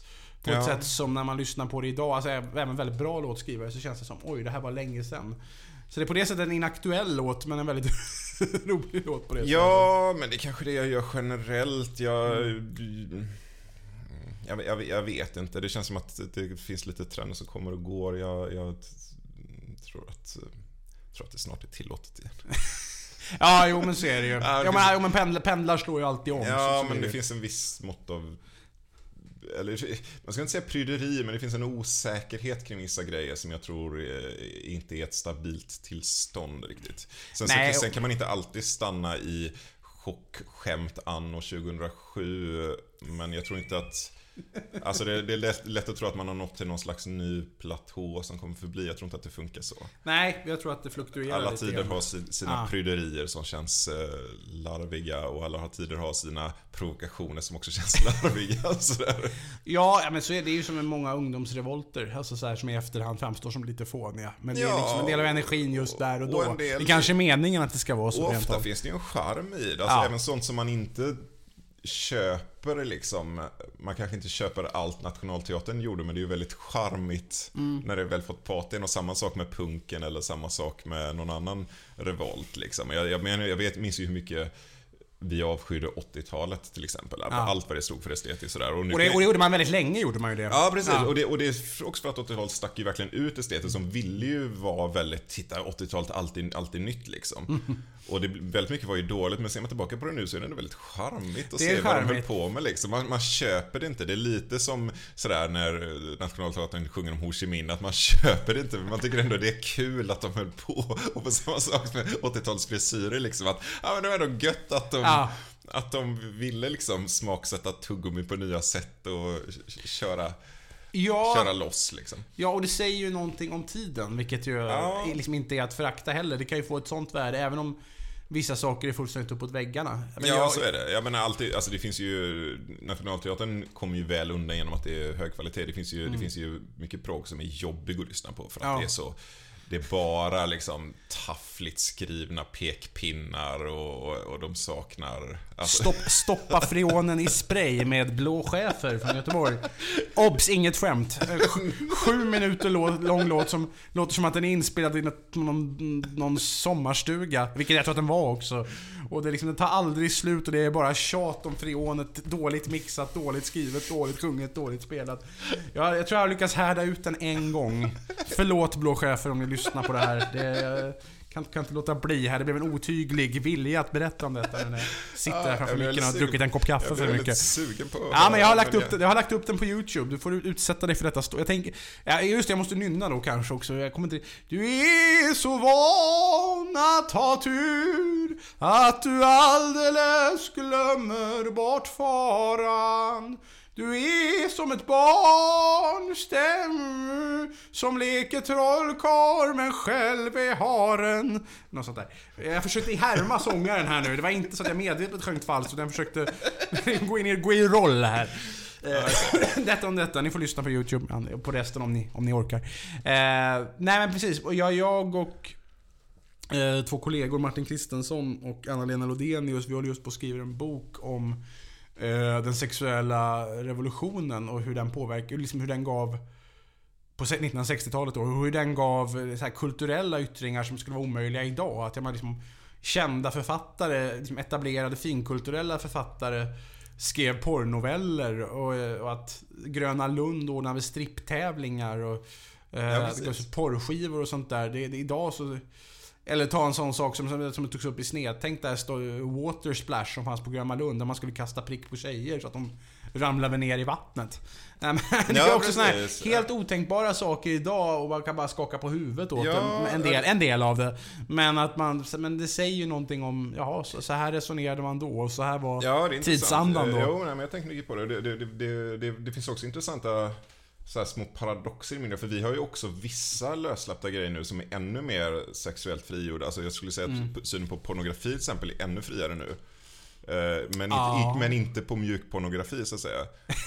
Och, ja, men det är intressant motsättning. Mjukporr är en jäkla märklig Ja, grej. ja, men, alltså, min, min tes här, jag ska inte säga att jag har 100% rätt, det är att eh, mjukporren på så här, eh, 70-80-talet och sånt där, det är liksom man vill göra en distinktion. Det här mjukporren är okej erotisk thriller, Oh ja. är en fin genre, men sen finns den här hårdporren, den, den, ska vi, den är ful, den är för snusgubbar. Och nu är det mer liksom att, ja men gå ut på Pornhub och gör vad du vill, men blanda inte in bara bröst i det normala livet. Där har där- you're on to something. Ja, När jag, ja. alltså det, det, det finns en sån paradox, så, så finns det ju andra saker. Nu, nu har jag dålig koll på så Paradise Hotel och så, men det känns också Mm. som att vi har drivit vissa saker med sexploatering ganska långt i vår tid, samtidigt som vi inte vill ha det i reklam till exempel. Nej, fasen det här, är- det här är... Åh, jag känner att jag redan genast vill gå hem och fördjupa mig i detta. Ja, eh, Men, men så, jag, jag intervjuade ju regissören till filmen Fäbodjäntan, som jag tänker att jag inte behöver presentera så mycket närmare än så. Eh, men, för det var då amerikanen Joe Sarno som då bodde mycket i Sverige. Och jag, jag intervjuade honom när han var bortåt 90. Han gick bort 2010 och det här var väl 2008 tror jag. Och jag kände ju i stort sett bara till Fäbodjäntan med honom, att det var det han hade gjort. Och han hade ju liksom förstått att i Sverige är det det som har gjort mest avtryck. Jag tror till och med att hans liksom... Om det var så att hans fru fick gratis pizza någon gång när... Eller nå- något sånt där om att de upptäckte att... Oj, är det nu som jag gjort Fäbodjäntan? Då är det gratis. Typ så. Eh, Det är klart att det är gratis pizza också. Ja. Ska inte säga alldeles säkert att det var just pizza, men vi kör på det. Bra story, bra story. Nej, men... eh, Och så här, så jag, jag intervjuade, men... Han gjorde ju den under pseudonym. Och det var som han sa, nej men jag, han gjorde ju så här liksom, ja men mjukporr, sexploitation grejer som liksom inte alls var någon hardcore pornografi utan lite erotiska. Även om han liksom gärna blandade in så här, det var som någon sa att den här filmerna, många av de här filmerna han gjorde på 60-talet, de är ju, som skulle vara erotiska filmer, sexet sätts i sådana ångestsammanhang så det är helt omöjligt att bli upphetsad där. Man mår dåligt av de här filmerna, man blir fan inte upphetsad. Eh, Men han såg det som konst och de filmerna gjorde han under sitt riktiga namn. Och sen så kom hardcore-marknaden och tvingade bort all mjukporr. Och då blev han tvungen att göra hårdporr för att försörja sig. Men då satt han, använde han alltid pseudonymer. Och det märktes att han ville liksom inte riktigt prata om det. Han tänkte, det där gjorde jag för hyran. Just liksom. Nej, jag tror det, Det- finns fler sådana, men det hade väl också med den tekniska utvecklingen förmodligen, att man gick från bio till Ja. video och sådana saker. Det är billigt att producera och så, så vidare. Ja. Nu har vi kommit ganska långt från låtskrivandet, men jag tycker inte nödvändigtvis att det är någon, någon Nej, Inga nackdel. problem alls med det. Eh, Mm. det, det frågan om vi ska släppa den inte. Det, det, det finns en intressant poäng som jag är tvungen att säga för den i huvudet. Att, Mm. att, eh, det är ju lätt att tänka att man går från en slags, eh, ja men du vet, patriarkatet är starkt, eh, man har dålig kvinnosyn och så går man och så utvecklas man i en specifik riktning. Men det intressanta är, är att det finns någon sån, alltså i samband med den här sexualliberaliseringen, den går ju egentligen från en väldigt pryd och så blir det liberalt och sen så, nej vi kanske... Det, Ja, ja, ja, ja. Och, det, och det finns också något motsvarande tror jag. Och det kommer att vända igen antagligen. Ja, förmodligen på något sätt. Det blir ju Mm. aldrig exakt samma. Men, men det finns också något motsvarande, har jag läst precis om, om sexuellt våld egentligen. Att det fanns, det fanns en slags romantisering av sexuellt våld under en period, alltså efterkrigstid någonstans. Det, där, ja, det, alltså det, det blir lite skikt på något sätt. På ett sätt som jag inte tror att det var på, låt oss säga, Strindbergs tid. De hade säkert en krassare syn på sexuellt våld på vissa sätt Ja, jämfört jo, med oss. jo. Men jag tror, jag tror också att det fanns en viss skickhet. Du hittar vissa sådana här eh, våldtäktsscener där tjejen gillade och det hittar du nästan bara på 60-70-talet skulle jag säga. Det finns i någon Clint Eastwood-film, det finns i eh, eh, vad heter den? Straw Dogs. är känd för. Sam Men det, finns, men det finns också i. Dr. Chivago från 60-talet Just någon gång. Och jag tror inte att det hade varit lika okej och jag ska inte säga säkert, men det känns inte som att 10-talet, 20-talet, 30-talet, alltså det, det, det känns som att det är en liten flört med det under den här allmänna sexuella liberaliseringen. Precis som att man också flörtar med mycket nakna bröst, mycket, mycket sex i vanlig spelfilm. Ja. Och sen så backar man lite och känner att nej men nej, okej. Nej, All, nej. all sexuell frigörelse var inte bra. Vi, Nej. vi sa i början av 60-talet allt, Allting- all allt lust är vara bra, allt ska vara Ja. fritt. Men okej, det här, Nej, nej. nej. Och- nej men, och, och, det är ju det med, med, en, med Det gäller ju de flesta revolter utan liksom jämförelser så, men att man liksom, nu, nu öser vi bara på. Mm. Jag vet att jag, jag var på, jag kommer inte ihåg vad han heter, men det var en kille som har gett ut en väldigt fin bok med sina gamla proggaffischer Mm. från 70-talet. Och jag var på releasen för den boken och Jan Hammarlund var där och vi kände varandra och vi började prata lite. Och Janne sa om den här killen, han, var, han var ju så trevlig redan då. Och jag var såhär, då? Nej men, nej men, så Jan, vi, var, liksom, vi skulle göra oss av med alla borgerliga ideal. Och det blev lite så att vi gjorde oss av med idealet att man skulle vara trevlig också. Vi såg det som borgerligt att vara trevlig, så många av oss bara slängde ut det. Och det var väl inte så jävla bra. Alltså, inget ont om. Jan Hammarlund som jag högaktar på många sätt. Ja. Men, men, men jag tyckte det var lite skojigt. Nej men det finns många sådana. Vi hittade ju Per-Olof Ekström som också skrev, vi ska strax släppa det här stickspåret men. Eh, men eh, som, som skrev Hon dansade en sommar. Som ju liksom blev Ja. Jättestor internationell succé både som bok och som film. Han skrev ju sen en eh, bok som Kurt Håssons, dåtidens stora porrförläggare, gav ut. Eh, Tänk om jag gifter mig med pappa. Som är en incest, incesthistoria. Eh, där är det liksom en man som är ihop med sin 11-åriga dotter och det är liksom Vinkeln är att omvärlden är så inskränkt och accepterar inte våran kärlek. Eh, och så vidare. Så tror till och med det slutar med att han har ihjäl sin fru och fortsätter leva med sin dotter. Och de lever lyckliga resten av sina dagar. och det kan jag tänka mig också vara sådär, "Åh, nu, ska vi, liksom, nu ska vi spränga de här vallarna. Allting är bra. Allt är jättebra. Det ska vara fritt och fint. Nej, men det, det kommer Ja, kom, kom, eh, mycket sånt. Alltså på, ja. Ja, vi, vi, vi, nu, det är ett eget poddavsnitt att prata om det. det mm, Nej, men jag tycker det är roligt. Jag vet inte om det är någon som tunar in på det här och väntar sig stringens direkt. Då har ni kommit till fel podd, men det har ni redan insett. Ju- lyssnar ni inte längre. Apropå en annan utvikning är ju Äh. hur kommer det sig att du inte har en podd? Det är en bra fråga. Eh, mycket, mycket bra fråga. Eh, jag får den lite då och då. Ja. Kom, kombination av faktorer, tror jag. Alltså det, det, det, lite är det för det tekniska, men det är inte så farligt. Jag vet att jag skulle kunna klippa det. Eh, det är väl mer att jag har dåligt med tid och jag har haft svårt att hitta en idé som jag tycker funkar, som inte redan finns. Du kanske har så här prestationsångest? Ja, jag, jag, jag, jag har mycket... För att du vet någonstans att du skulle kunna göra det ganska bra också. Ja, det vet jag. Och, men, det, men det är samma sak med låtskrivandet. Det är ju därför det ibland kan ta så fruktansvärd tid, för att jag tycker att det här är inte bra nog. Eh, apropå det vi pratade om tidigare, att man får höra att man är bra på någonting och då ska man göra det bättre och bättre hela tiden. Och jag jobbar med att bli av med det där.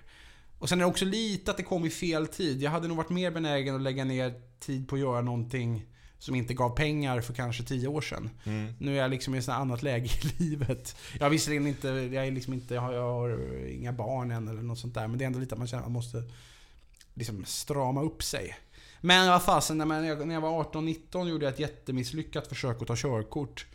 Eh, Och, sen låg det och bara tryckte, jag vet att jag kan göra det här men det, liksom, det kom vara annat som kom i vägen som kändes viktigare. Sen bestämde jag mig till slut när jag var 30 och från att jag bestämde mig till att jag hade körkort så gick det väl två och en halv månad eller något sånt där. Ja. Så jag menar en dag så kommer jag liksom tycka att det är viktigt nog, kanske. Vi får väl se. Vi får se. Det är annars väldigt kul att vara med i andras poddar så här och Ja, babbla loss och slippa ta, ta större ansvar. Jag förstår precis. Men vi, vi måste gå tillbaka till Steven Merritt igen nu. Ja, vi, vi var på vi släppte den Merritt och- och Vi- låtskrivare. jag får inte- Ja, han är ju, vi, vi kan ju vara överens om att han är då genial och vi har redan sjungit. Men, min flickvän då som introducerade mig för Steven Merritts musik Ja. hade då den tesen att anledningen till att han inte är så känd som han borde vara, Ja. det är ju att han är så ful. Detta sa hon med, med all kärlek i världen. ja. Eh, hade han varit ju de- sötare så hade han förmodligen också varit så, så känd som han förtjänar var hennes tes. Ja, fast jag har ju träffat folk med tesen att han inte får ligga så mycket och det är därför han är så produktiv. Att han, om, han hade fått, om han hade varit söt och blivit, fått ligga så hade han inte skrivit gjort så mycket grejer. Då hade han fått bekräftelse på annat. Då, så då hade han, där är han inte varit så känd i alla fall menar du? Nej, precis. Är ett, Det- det liksom det är ett, inte- det är ett moment 22 i hans Ja. Han nej, är men- dömd. Men sen är det också det att han liksom envisas med att ja, han skulle kunna göra betydligt mer smooth grejer. Men han, han, har, han har ju liksom, han vill gärna använda mycket, göra mycket skojiga arrangemang och syntar eller göra en hel platta med bara liksom elgitarr, distorsion på precis allting. Eh, lite håller han sig utanför. Det är ofta, det känns ju som att Många, eller många ska jag inte säga, men det är, en del av hans låtar är mer kända i coverversioner än vad de är i hans egna versioner. Ja, Men jag vet inte. Men han har, han har lite... Men också att han inte slår på samma spik hela tiden. Jag tror att man ska bli... Det är det misstaget jag kanske jag har gjort i mitt liv, att jag inte slagit på samma spik. Att jag har gjort så mycket olika saker. Men det skulle vara så tråkigt att bara slå på samma spik hela tiden också. Kan jag tycka. ja, det låter ju tråkigt. Ja, jag tycker man, det. När man Nej, men jag tycker det- av att någon slår på samma Ja. spik. Aj! Men vill inte gå ner i den här jäveln och bankat här i 20 år. Nej, men... eh, Nej. Det låter kanske inte heller som att det är oerhört lönsamt. Varje dag går jag och slår på samma spik. Mm, ja, Pengarna det, kommer, det, kommer, det ska gå. En vacker jävla dag lossnar det. Nej men... eh, Persistence is everything. Ja. Ja, nej men jag tycker att det är kul att göra. Alltså, jag- det, det, jag har varit så nyfiken på så många saker och det, det, det är skojigt att vara det.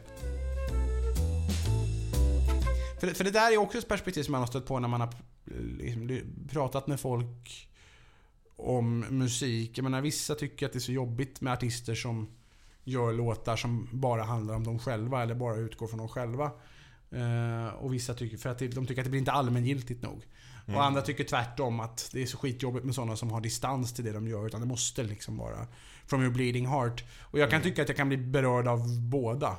Absolut. Ja. Alla sådana där diskussioner kokar i slutändan bara ner till, är det bra? Ja eller nej? liksom. Ja, för min jo, del. men precis. Nej, men det är väl två sätt att nå till det och, och jag, jag kan inte se... Alltså det finns, ju, det, ju- det finns ju jättemånga exempel på folk som bara berättar om sig själva och varför ska jag, varför berättar du det här för mig? Mm. Ja, jo. Känslan. Jo, Så man ja och när någonstans... det, ja, men, det handlar, men man kan ju, man har ju... Jag hörde ju någon sån låt, jag tänker verkligen inte säga några namn här för jag vill inte hänga ut den här personen men... Eh, något jag, som jag fick skicka till mig på Spotify, lite såhär Sunkadelik-typen. Ja, En kille som sjöng om sitt, sitt sorgliga trauma i livet. ja. Eh, och det här sorgliga traumat, det hade kunnat bli en jättebra låt om en väldigt bra låtskrivare hade gjort det. Mm. Nu blev det bara totalt osmält och rakt på på ett liksom sätt så att det blev jobbigt. Mm, Det, blir- det blir lite sådär, bara, men snälla, oj jag förstår att det här är skitjobbigt för dig. Men måste du omsätta det i den här låten som inte är bra, då blir det liksom dubbelt jobbigt för man kan, man kan inte skratta åt det heller. Men det blir bara liksom, det blir bara krypande på något sätt. som sjöng... eh, Han sjöng bara om hur han hade blivit mobbad. Jag hoppas att det inte är samma nu så att vi hänger ut, men han blev mobbad en gång till. Men, men, men det var liksom... Nej det här var ingen mobb, det här var en annan, ett Okej. annat trauma. Nej men det var liksom, man sjöng låt efter låt om hur man blir mobbad och på rätt sätt var det väldigt sådär att Ja, vad modigt att du står här och bara sjunger hudnära sånger där du beskriver din mobbing i detalj. Mm. Eh, Och det sker ingen liksom förlösning. Men, men, men det, jag fick bara så här, jag tyckte bara att det var jobbigt. Eh, För att du har, det här har inte blivit någonting annat. Det här är bara in your face. Ja, Ah, precis. ut med det. Eh, Så det, för mig fungerar det inte alls. Nej men det beror på, för mig är det liksom hur man omsätter det. Det är mer det, Ja. tycker jag. Hur man liksom, det finns ju sådana som kan berätta fruktansvärt privata historier. Och det, och det är också jättevanligt när jag har pratat med, med kollegor och när man liksom läser musikjournalistik om folks berömda låtar. Att det är ju nästan alltid så att den där låten som de tror är alldeles för privat, som ingen annan kommer att fatta, är den som de sen får mest respons på. Ja, just det. Jag, jag funderar på en annan sak innan jag satt och tänkte. Ja. Det är ju ändå så att, men det finns ju massa människor som vi tycker är duktiga låtskrivare. Låt säga Cornelis Vreeswijk eller Lars Winnerbäck eller kanske Steven Merritt då. Ehm, Men vi, vi, Och Björn Afzelius tänkte du komma och Björn. Afzelius. Eh, tänkte jag faktiskt inte på, men låt oss Nej. ta in Björn Afzelius Ja, också. han, han är intressant nämligen, Ja. jag, på det sättet. Och, det, och vi, vi, det är ju många saker med dem som är, är bra. Så här, de kanske både kan slänga in privata saker och allmänna resonemang. Mm. Men det är ju också någonstans, om man tar en sån som Cornelis är ju ett bra exempel. Alltså ett skäl att man gillar Cornelis mer än... eh, Vem skulle man jämföra honom med? Ja, jag, Jan har ju, Hammarlund. jag har ju aldrig varit någon jättestor fan av Cornelis. Alltså, Nej, inte att jag. Mm. tycker att det är dåligt på något sätt, men han har liksom aldrig... Jag tycker han är bra. Men det, Okej, har, det har aldrig berört mig på det där sättet som det har Ah, berört okej. typ alla andra. Ah, låt, låt mig förklara. Ja, nej, prata på. Förklara gärna. Jag tar en bit, bit bulle här. Det finns en sak som är stor med Cornelius och det är att det är väldigt avskalat. Det finns en slags klassisk skönhet i det. Att, att eh, det, det pladdrar aldrig på det som, som Olle Adolphson utan det, det, det känns snabbt skrivet men på ett så jäkla bra sätt som att han bara fått med precis det som behövs. Och det gör att alla kan ta upp lutan och sjunga låten igen. Nu varierar låtarna en del, vissa är mer ordrika men det finns en, det finns en slags re- renhet i det och direkthet eh, som är ganska slående. Som, och, och det, det, sen är jag ju rent allmänt skicklig, men det, det finns en annan sak och det är att det jag tänkte på, det är ju att Cornelis har en sån här rock'n'roll-persona. Ja, det har han. Absolut. Och det var det jag ville komma till. Hur mycket handlar det egentligen i slutändan om hantverk och hur mycket handlar det om, inte nödvändigtvis bara rock'n'roll-persona, men att man kommer ner till en person som man tycker är cool eller intressant. Alltså om Tåström skriver texter, hur mycket det handlar om att han är skicklig på att skriva texter och hur mycket handlar det om att han, Han är är Tåström, Thåström, ja. och han är tillräckligt bra för att man ska komma fram till Tåström.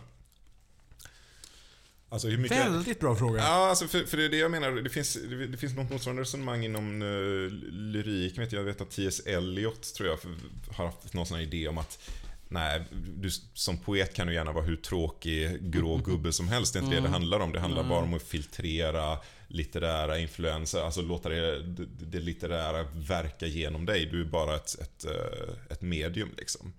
Eh, Det, det, du, är, du är en åskledare liksom, men det, det är inte du som är blixten på något sätt. Det, kommer från andra håll och går igenom dig, blir något annat och så vidare. Och på ett sätt kan man ju tänka rent hantverksmässigt att det går till så. Cornelius har lyssnat på annan musik, han har sett saker, han bara sätter sig ner och Han skulle kunna vara vem som helst. Men, men så känner man inte riktigt. Man känner ju att det är ju att Cornelis är en rumlare. att han är ett känslodjur. Att man får ta del av honom. Och att det kanske ibland är viktigare än eh, finessen i rimmen eller någonting sånt. Jo, men det tror jag det kan vara. Alltså, det är ju... Det är mycket det jag gillar med mycket av den här eh, liksom, sunkadeliska kulturen, eller vad vi ska kalla det. Det finns ju liksom en... Man behöver ju inte ha det. Och det är ju en skärm också med punken, eller de liksom här bröstbrutala, alla de här punkbanden som gav ut en singel där någon gång i slutet av 70-talet.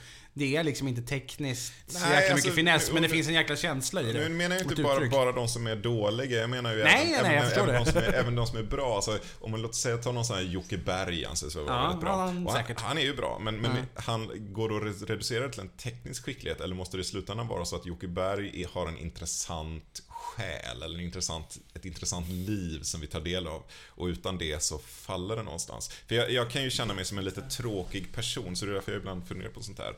Hade jag behövt vara en intressantare person? Nej, nej, nej, alltså, fast jag, nej, jag tycker nog inte det. Jag, det handlar för mig nog mer om hur man upplever just personen. Ta, vi kan ju ta just, ta just Lars Winnerbäck kontra Stefan Sundström.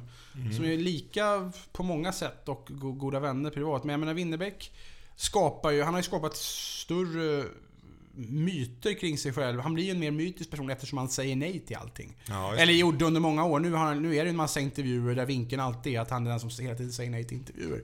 Ja. Men, men, men under många år gjorde han ju verkligen det. Han sa nej till typ allting. Gjorde Ja. bara sina gig och sina plattor. Och även Ulf Lundell är lite likadan. I och med att de är lite svårare som personer så blir det lättare att skapa en mytbildning kring dem. Det finns inte så mycket myt kring en glad skit som Sundström som inte skulle ställa upp på precis vad som helst men som ändå mycket mer är en ja-sägare och är generös med sig själv och ställer upp i intervjuer och sådär. Men jag tror dels, men jag tycker inte att riktigt det påverkar min liksom, upplevelse av verket. Hur verket är bra eller dåligt. Fast visst är Stefan Sundström en glad skit även i musiken? Jo, det är han ju. Men jag menar, det är liksom min upplevelse av, av själva verket påminner, liksom behöver inte bli samma sak bara för vad som, Nej. Jag försöker formulera någonting här men... Nej, det, det jag tänker är väl lite grann att man... ehm, Det man upplever när man hör Stefan Sundströms verk är ju Mm. också att han är en glad skit. Ja. Och när man lyssnar på Lars Winnerbäck så tänker man att eh, han är en, en nervig och dyster. och att, och att, och att det kanske är viktigt, den distinktionen. Det är inte en hantverk man sitter och lyssnar på. Man lyssnar på den där glada skiten. Eller så vill man vara den där dystra nervpaketet och då lyssnar man på Lars Winnerbäck. Ja, musiken det som identitetsskapare. Ja, kanske. Ja, det, eller- det eller- känns som att men det har lite devalverats Men också att man nu. tar del av det. Ja, alltså jag vet när inte. allting går att få tag i så lätt också. Folk konsumerar musik genom mixade spellistor. Jo, alltså... Jag, jag satt och lyssnade på den här om... Det finns ju en känd låt om Vincent van Gogh, eller hur man nu ska uttala hans namn. Jaha, vilken låt då? Det, Eh, D- Vincent heter den väl? Dear Vincent, jag kommer inte ihåg vad den heter. vem är det som har gjort den? Eh, Det är han som har gjort American Pie, som bara är känd för de två Ja, låtarna. Don McLean. Just precis. det. Den har vi och jag tror att Christian von Svensson Alldeles kan, riktigt. Han har översatt den. Mm, Just det har han gjort. Det är en lite personlig version, där han fokuserar lite mer på klasskampen i sin... Och fick inte han nej på den översättningen också tror jag. Fick han det? Jag tror att det eventuellt För att är ett han förbjud, förbjudet konstverk. Åh, för att han har fokuserat mycket på klasskampen. Men det är ju en revolutionär Ja. handling i sig. Ja, jo men det är den ja, just det. Ja. För eh, Don McLeans, när man van sig vid Don McLeans version så tycker jag väl att den är, den, den kanske ändå är den bättre. Men i början har jag stört mig på att den är så jäkla gullig, gullig och konstnärsromantisk. Christian von Svenssons är lite mer liksom, Ja. eh, ja, det blir ju ett annat verk på något ja, det är sätt. lite mer klass mot klass i den. På gott och ont tror jag. Jag vet inte riktigt om jag hänger med var vi är i den här analogin eller vad det är vi vill Eh, fånga nej, riktigt. ja, men, jag, det- tycker, jo, eh, jag tycker det är spännande på något Det sätt. var en extrem utvikningar. Nej, eh, Nej, nej, nej, det, det är skojigt. Jo, så här var det. Ja. När jag lyssnade på den så tänkte jag på den här romantiken kring eh, van Gogh och hur mycket av upplevelsen man går och tittar på van Goghs tavlor, som ju medelklassmänniskor gör om Ja. de är i Amsterdam. Hur mycket av det handlar om att man njuter av att titta på bilderna och hur mycket eh, finns det ändå Just den här, det. man tar del av van Goghs lidande person. Myten och bilden av van Ja, Gogh. och jag menar inte bara, bara myten för att också hur den uttrycker sig i tavlorna, alltså hur mycket handlar det om en kommunikation mellan själar och liv och hur mycket handlar det bara om hantverk. Väldigt bra fråga. Och jag, jag, jag tänkte med tanken att, att van Gogh skulle ju kunna ha varit någon du vet, en riktigt kommersiell vykortsmålare som Stickan Andersson, du vet, den attityden. Folk är dumma, det är sån här, de vill ha blå stolar och glada sovrum och det ska vara så lite, nu ska det vara de här lite tjocka penseldragen och han är helt öppen med det. Och det är liksom sådär riktig så här allmogemänniskor som köper de här vykorten på 1800-talet och- och det ses som en pest liksom. Skulle vi då fortfarande sitta och tycka att ah, det här är ju van Gogh liksom, han den här cirkuskillen som åkte runt och lyckades sälja miljoner vykort. Han är det största som har hänt i konstvärlden. Vi skulle, vi skulle, skulle vi inte känna att ah, det här är ändå väldigt ytligt liksom? Jag, jag försöker se van Gogh framför mig som... Nu ska jag bara ösa på Ah, här. Han ser, han ser inte alls ut så, utan han är ju tjock, Pengar, tjock pengar. och polisonger. Han gillar att äta mycket.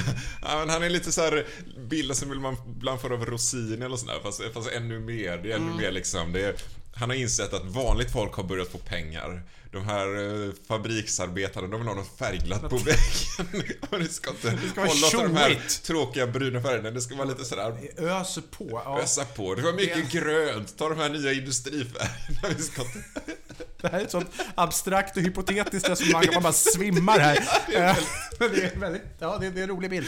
Eh, Ja, Rossini mådde bra. Rossini trivdes tror jag. Han, han kändes verkligen, ja. Åt mycket pasta. Ja, han var italienare. Ja, men alltså, Billig spaning. Vill man inte se liksom att när van Gogh målat en sol i åker att ja, där gick han och sen tog han livet av Ja, sig. det. Han gick och mådde dåligt. Det är inte att han solen, det är inte en välmående. Nej, Jo, jo, Sådär. det är Han älskade livet, men nej, det var så mycket att han inte stod ut. Jo, nej, det, det är sant. Det är klart att det spelar in, men det, det varierar väl jättemycket från, från konstnär till konstnär och Säkert. också från liksom person som konsumerar verket, eller vad vi ska kalla det. Eh, en hel del. Ja, men det tror jag. Mm. Ehm, Jävla god bulle. ja, visst är det. Vi, vi ska säga att det finns ju många ställen man kan köpa bullar på och ingen har betalat mig för att göra reklam Inte för Sveriges bullar. Radio det här. Nej, okej. Det här är Vi får Fabrik se. Ja, jag tänkte väl. Tänkte väl. Mm. Eh, nej men, nej men, uh, alltså... Hur, Vi skulle prata om... Ja, hade du någonting på lager eller ska vi... Nej men jag, jag tänkte så här.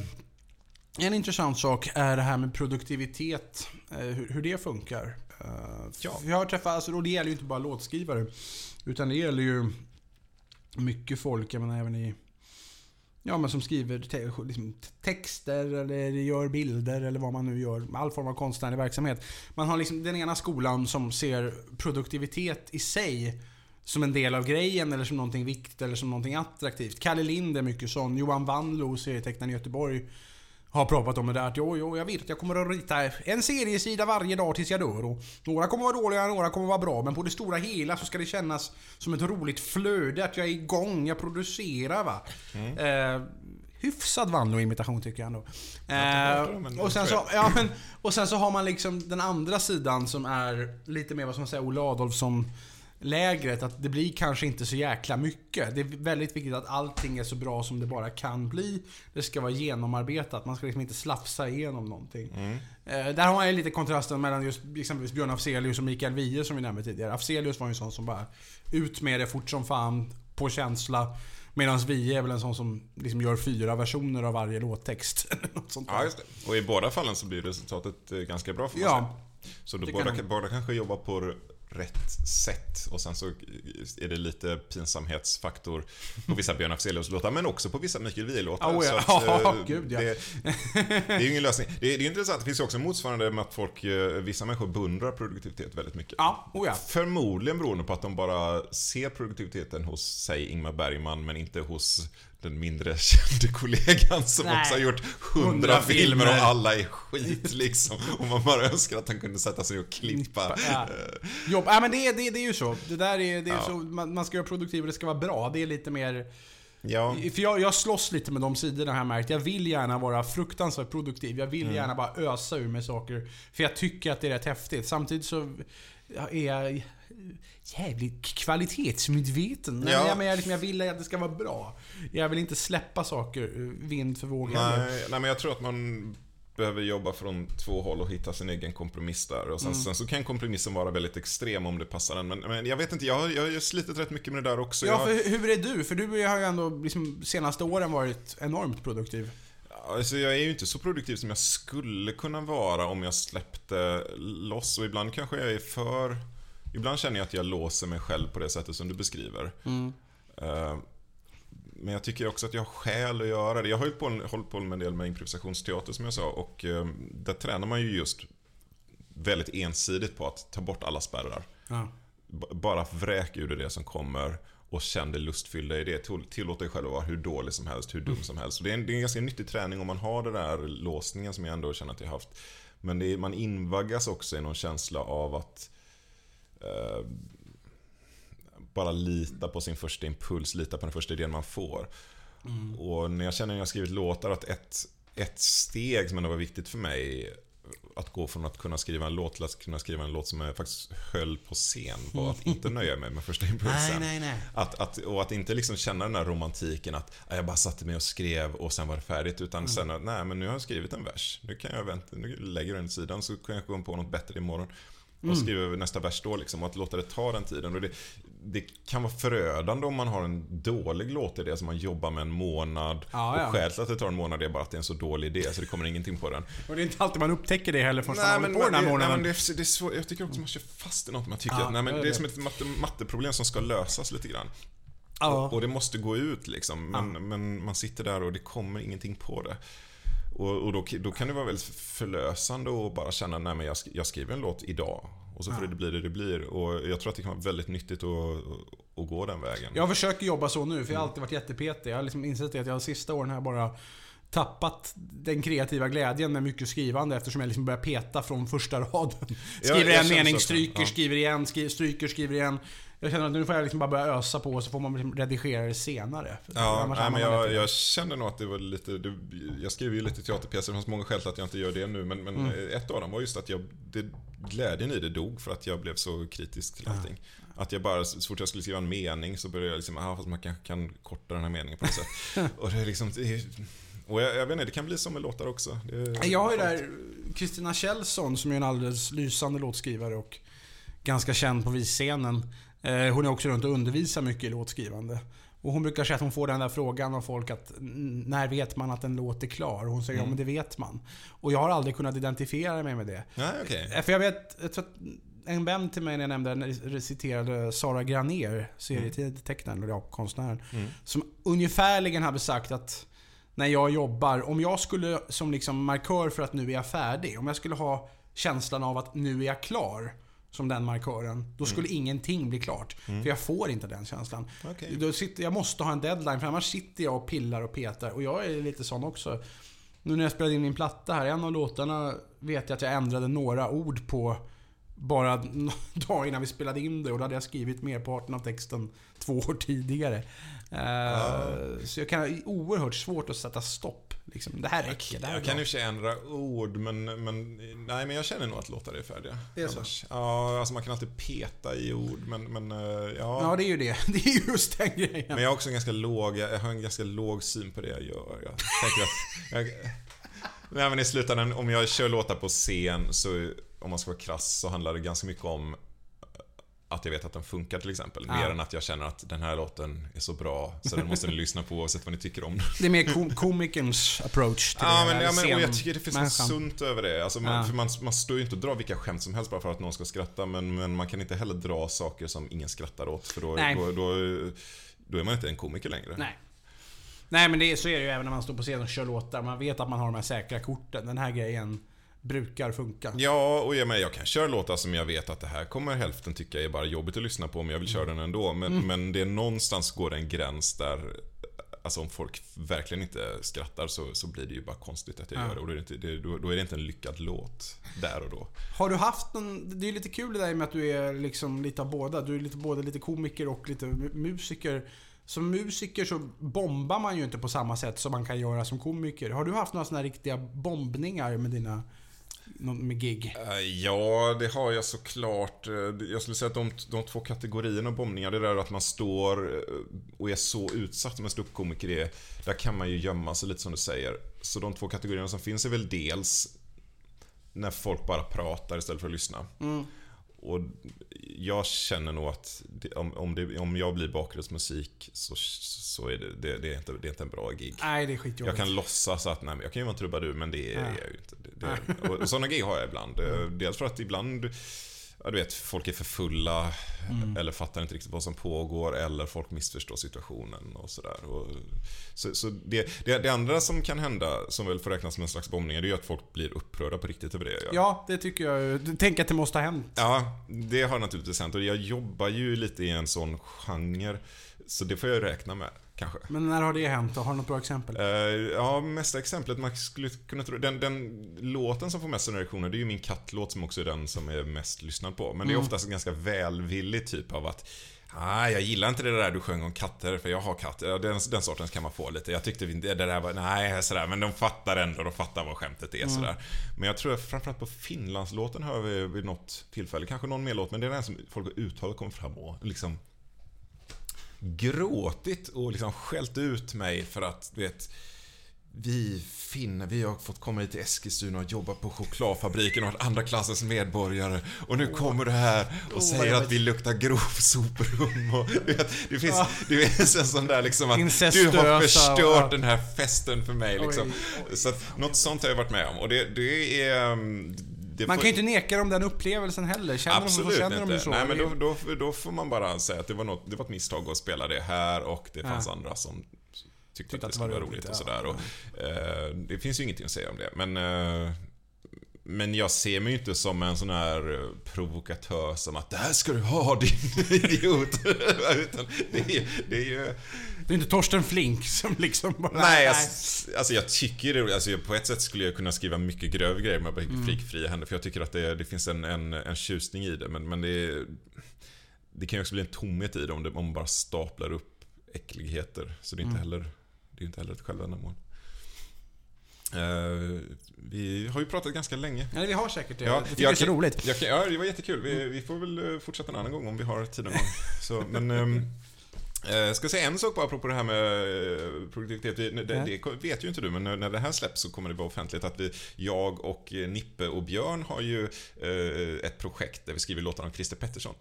Nej, vad roligt. Ja, Ja. väldigt många låtar. Okej. Och det var väldigt förlösande på det sättet att när vi bestämde oss för att skriva låtar om Christer Pettersson. Mm. Jag, jag och Nippe, vi, vi är ännu mer exalterade än Björn.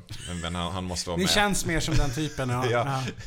Vi gick tog en lång promenad och bara spånade alla låttitlar som fanns på Chris Pettersson. Sen gick vi hem och skrev och på några dagar så skrev vi så här 20-30 låtar jäklar. Så det bara spottade ur oss. Så det finns en, en jättemånga Chris Pettersson-låtar som vi ska försöka få ut på något sätt. Vad roligt. Mm. Handlar någon av dem om hans kompis morfar?